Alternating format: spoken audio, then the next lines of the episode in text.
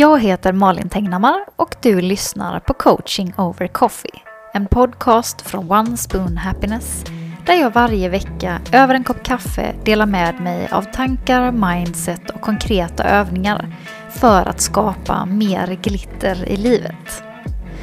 Det här innehållet går också att hitta i videoformat på Instagramkontot at onespoonhappiness. Nu till veckans avsnitt. Hej och välkommen till Coaching over Coffee där vi idag ska prata om varför stora mål generellt är en värdelös idé. För till skillnad från vad väldigt, väldigt många gör, nämligen sätta upp väldigt stora mål, för vi är ganska matade med att stora mål är det enda som är värt att sikta på. Eh,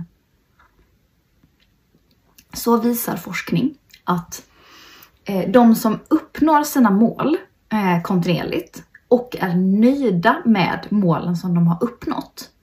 Det är personer som inte sätter upp jättestora mål, men framförallt är det personer som ser sig själva njuta längs vägen.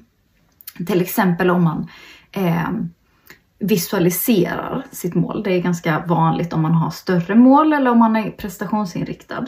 Eh,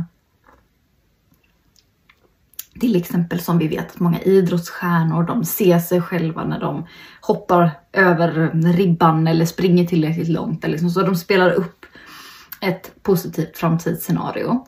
Eh, det som många då, och det kan man ju göra i liksom eh, vad man vill bo i för hus eller vad man eh, vill åstadkomma i karriären eller vilket företag man vill driva. Eh, och då har man sett att de som uppnår sina mål och är nöjda med det, de visualiserar även att resan dit är kul eller liksom har känslan av att det är roligt. Det är så här, meningen är inte målet utan målet är meningen. Ja, hur det nu är. Eh, den här i alla fall att man ska njuta längs vägen. Det vet vi ju sen innan. Men det intressanta är ändå att de som faktiskt är nöjda med sina mål i slutändan, det är också de som har sett sig själva och sett till att de har njutit längs vägen. Mm. Och ett sätt att göra det här är future sourcing, eh, som jag inte har kommit på ett bra ord på svenska för, men att liksom hämta resurser från framtiden. Och det här kan man göra genom att visualisera till exempel. Eh, och eh, man gör det, man får ännu bättre resultat om man är liksom lite halvt i trans eller i lite ett hypnotiskt tillstånd. Eh, vilket kan låta jätteavancerat och så, men du är i liksom, vad man räknar som hypnos, liksom rent eh, vad jag så händer i hjärnan? Liksom, då är du i hypnos när du ser på en film. Eh, så att det, är liksom, det är inget stort woo-woo konstigt så. Och likadant liksom definitionen på trans är på något vis vad, hur dina hjärnvågor går, att du kommer ner i mer avslappning. Så en del som mediterar är i trans till exempel och så. Eh, det som tenderar att hända när vi kommer ner i avslappning är att vi blir inte riktigt lika kognitiva i vårt huvud och liksom logiska utan vi släpper lite på logiken och eh, släpper fram annat. Och det kan vara väldigt bra om man ska hämta resurser från, från framtiden. Och det som det innebär då, det är att så här, skulle du göra det här med mig i en coaching session till exempel så får du en en, en kort övning för att komma ner liksom i ett lite mer avslappnat tillstånd. Och sen så liksom eh, jobbar man med hur hade det känts om du redan hade vetat att du hade uppnått det här? Hur hade den känslan varit i, i kroppen eller i dig som person? Eller så här, hur, hur hade det varit att, att vara du om du visste att du redan hade uppnått det här? Och sen när du har känt den känslan så kan du fundera på hur du kan ta med dig den tillbaka från framtiden. Det blir väldigt meta och flummigt, men så här, hjärnan ser ingen skillnad på om du gör någonting i framtiden eller tänk, skapar ett minne för framtiden. Eller om du tittar tillbaka, det vill säga skapar ett minne av det du redan har varit med om. Så genom att föreställa dig hur det skulle kännas att göra det i framtiden så har du skapat den framtiden. Eh, och då, om du tar med dig den känslan tillbaka och funderar på hur du kan känna så nu, så är det mycket större chans att du eh, åstadkommer det du vill åstadkomma genom att känna redan nu, så som du skulle känna om du redan hade uppnått det. För det gör att du agerar på ett annat sätt och du blir mer eh, resourceful eh, vill jag säga. Eh, jag är hemskt ledsen att jag byter så mycket mellan svenska och engelska. Eller hemskt ledsen är jag inte för jag tycker inte att det spelar så stor roll. Men jag vet att en del personer stör sig på det här. Jag pratar ganska mycket så i vanliga fall och det blir bara värre av att jag nu utbildar mig eh, konstant på engelska. Eh, så jag hoppas att du har överseende med detta. Ehm, hur som helst. Det här med att liksom ta med sig alltså resurs tillbaka eh, till nutiden är väldigt intressant och ett sätt som jag har tänkt tidigare ganska lite på hur man uppnår mål. Eh,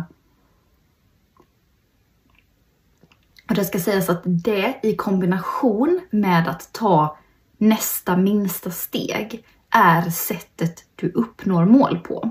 Och det har jag varit inne väldigt mycket på innan. Jag har skrivit ganska mycket artiklar om det. Det finns saker tillbaka i liksom mitt Instagramflöde på det här. Så är du intresserad av det här med att liksom ta myrsteg för att komma framåt, så, så titta på det. Eh, men det handlar i sig också om att de som faktiskt uppnår sina mål, de ser inte sina mål som en jättestor, oöverstiglig massa där framme. Utan de fokuserar hela tiden på vad är nästa steg jag kan ta för att komma närmre. Eh, och det är också en väldigt viktig skillnad för det blir väldigt mycket mindre eh, besvärligt om du bara fokuserar på vad kan jag göra nu? Vad ska jag göra idag? Vad är nästa lilla steg, nästa timme jag kan ta för att det här ska hända? Istället för att tänka, jag kommer behöva lägga 71 timmar om dagen idag fram till evighets ände för att jag ska uppnå det här stora som jag har satt mig för. Gör du det så kommer din hjärna automatiskt, för de allra flesta, en del kickar ju på väldigt stora mål, men de allra flesta blir så här, okej okay, jag ger upp, jag gör det inte. Och så säger man, nej det var för svårt eller det, det gick inte eller det är inte bra timing eller jag har inte tid eller vad det nu än är man skyller på.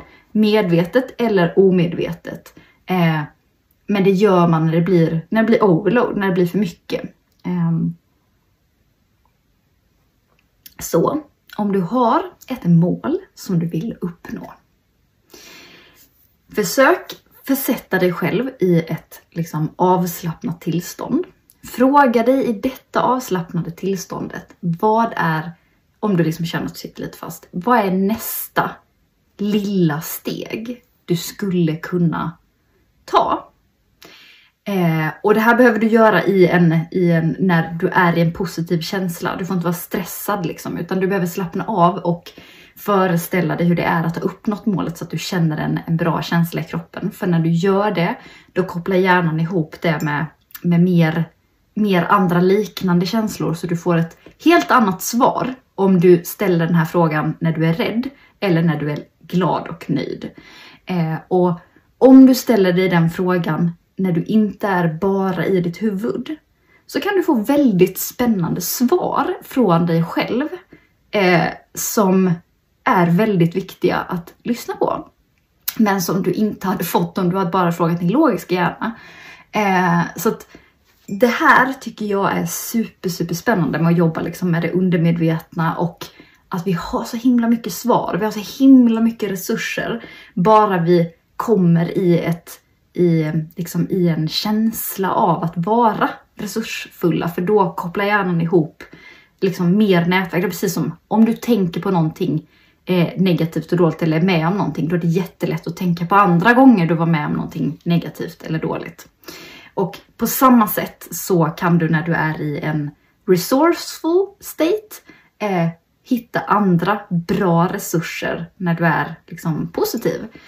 Så, som sagt, försök slappna av. Eh, kom ner i, i liksom ett, ett meditativt tillstånd. Fråga dig själv vad är nästa lilla steg som du kan ta för att komma eh, framåt i det projektet som du håller på med eller det målet som du har. Och försök sen att fokusera på Visualisera hur det skulle vara om du redan hade uppnått det. Känn den känslan i kroppen och försök göra mer av det som du skulle göra redan när det var uppnått. Ehm, jag experimenterade med det här i måndags för att jag gjorde den här övningen i helgen på min utbildning eller delar av de här övningarna ihopbakat med sånt vi har lärt oss innan. Och det väldigt intressanta var att om jag skulle uppnå mitt stora mål eh, eh, så gav det en viss känsla i kroppen. Och det jag insåg då var att så här, när jag är där så skulle jag leka mer. Eller jag skulle lägga in mer roliga saker i, i vardagen automatiskt. Eh, och då blev ju liksom den som coachade mig den frågan så här, men hur kan du göra det nu? Eh, och det blev så här, jag kan sitta och läsa 10 minuter i solen på morgonen när jag dricker mitt kaffe. Eh, för det skulle jag göra när mitt stora mål är uppnått. Eh, och jag skulle, jag skulle åka och kallbada, det är en sak som jag tycker är, är roligt till exempel. Eh, och då gjorde jag det i måndags. Eh, jag hade också en dag jag behövde vila lite mer för att jag jobbade hela helgen. Så då passade jag på att göra det. Eh, sen var det ju fantastiskt att eh, the universe levererade eh, fantastiskt väder just den dagen. Så jag faktiskt kunde sitta ute, ta min första kopp kaffe för året och läsa 10 minuter i en bok eh, som lärde mig mer om liksom, nervsystemet. Och liksom, sen kunde jag fortsätta min dag, fortsätta med det jobbet som jag hade och senare på eftermiddagen så åkte jag också och tog ett kallbad. Satt i bastun efteråt, hade det hur bra som helst, kom på massa nya bra idéer och igår var en så extremt produktiv dag för att jag fick den här vilan och för att jag gjorde saker som fyller mig med glädje. Och så här, jag tycker det är så intressant att vi skjuter upp saker till när vi har uppnått en viss grej. När vi lika gärna skulle kunna plocka hem de resurserna från framtiden och göra dem nu. Och jag tror att jag har mycket lättare att nå mitt mål på lång sikt om jag gör roliga saker hela tiden. Jag vet inte när jag kommer uppnå mitt stora mål. Det kanske tar ett halvår, det kanske tar tre år. Om jag ska vänta i tre år på att ha roligt, det kommer ju bli superplågsamt. Eh, så att liksom hela tiden bryta ner det till vad är det minsta jag kan göra just nu för att gå i den riktningen. Ge sig själv tid och hämta resurser utifrån att så här, om jag känner känslan av att jag har uppnått det här målet och kommer i en sån sån tillstånd där jag får tillgång till större delar av min kapacitet. Fråga mig själv då, där, vad kan jag göra för att det här ska hända? Det här är vad jag skickar med för coaching over coffee den här veckan. Vill du boka enskild coaching med mig så kika in i min kalender. Nu eh, finns det i princip inga platser kvar till eh, jättespecialpriset eh, 500 kronor utan alldeles strax går det upp till 750 och då finns det några platser för det också under eh, mars och april och sen så eh, går priset tillbaka mot mer ordinarie. Så vill du passa på att boka en eller flera gånger eh, coaching till riktigt rabatterat pris så gör det nu. Eh, det är liksom 20 personer som har bokat in sig här nu i början på mars bara. Så att, och det finns 20 platser för det här för 750.